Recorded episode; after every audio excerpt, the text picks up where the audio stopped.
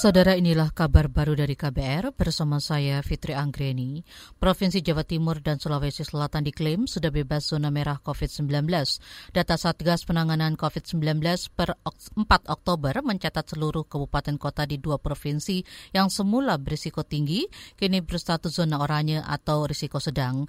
Juru bicara Satgas Wiku Adhisa Smito mengapresiasi kerja Pemda di dua provinsi tersebut persentase kesembuhan di Sulawesi Selatan dan Jawa Timur termasuk ke dalam provinsi dengan persentase kesembuhan tertinggi di Indonesia, yaitu 81,93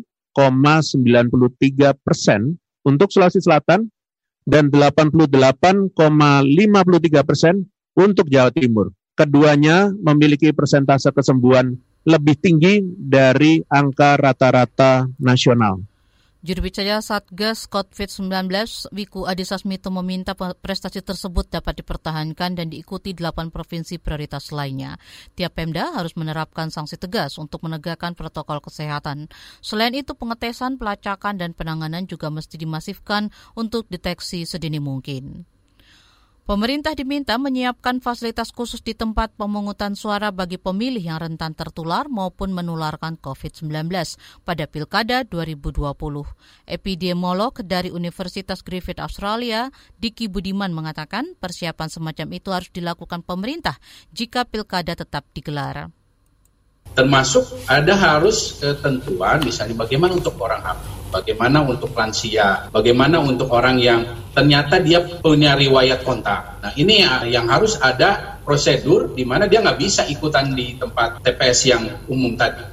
Epidemiolog Diki Budiman menambahkan penyelenggara pilkada juga harus memantau kondisi pemilih yang datang ke TPS. Di TPS juga harus disediakan sarana yang mendukung penerapan protokol kesehatan.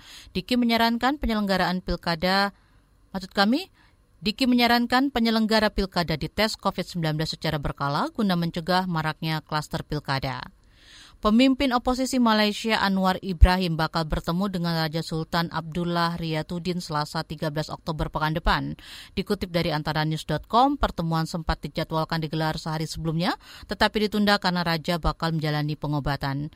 Di hadapan Raja, Anwar ingin membuktikan diklaim Anwar ingin membuktikan klaim bahwa dia mendapat dukungan besar dari parlemen untuk menjadi Perdana Menteri. Di Malaysia, kandidat Perdana Menteri harus mengantongi dukungan mayoritas dari 220-an anggota parlemen. Situasi politik di negeri jiran semakin memanas sejak pemerintahan Mahathir Muhammad runtuh pada Februari lalu. Posisinya digantikan Muhyiddin Yassin tanpa melalui proses pemilihan, namun belakangan legitimasinya dipertanyakan. Demikian saudara kabar baru dari KBR, saya Fitri Anggreni, salam.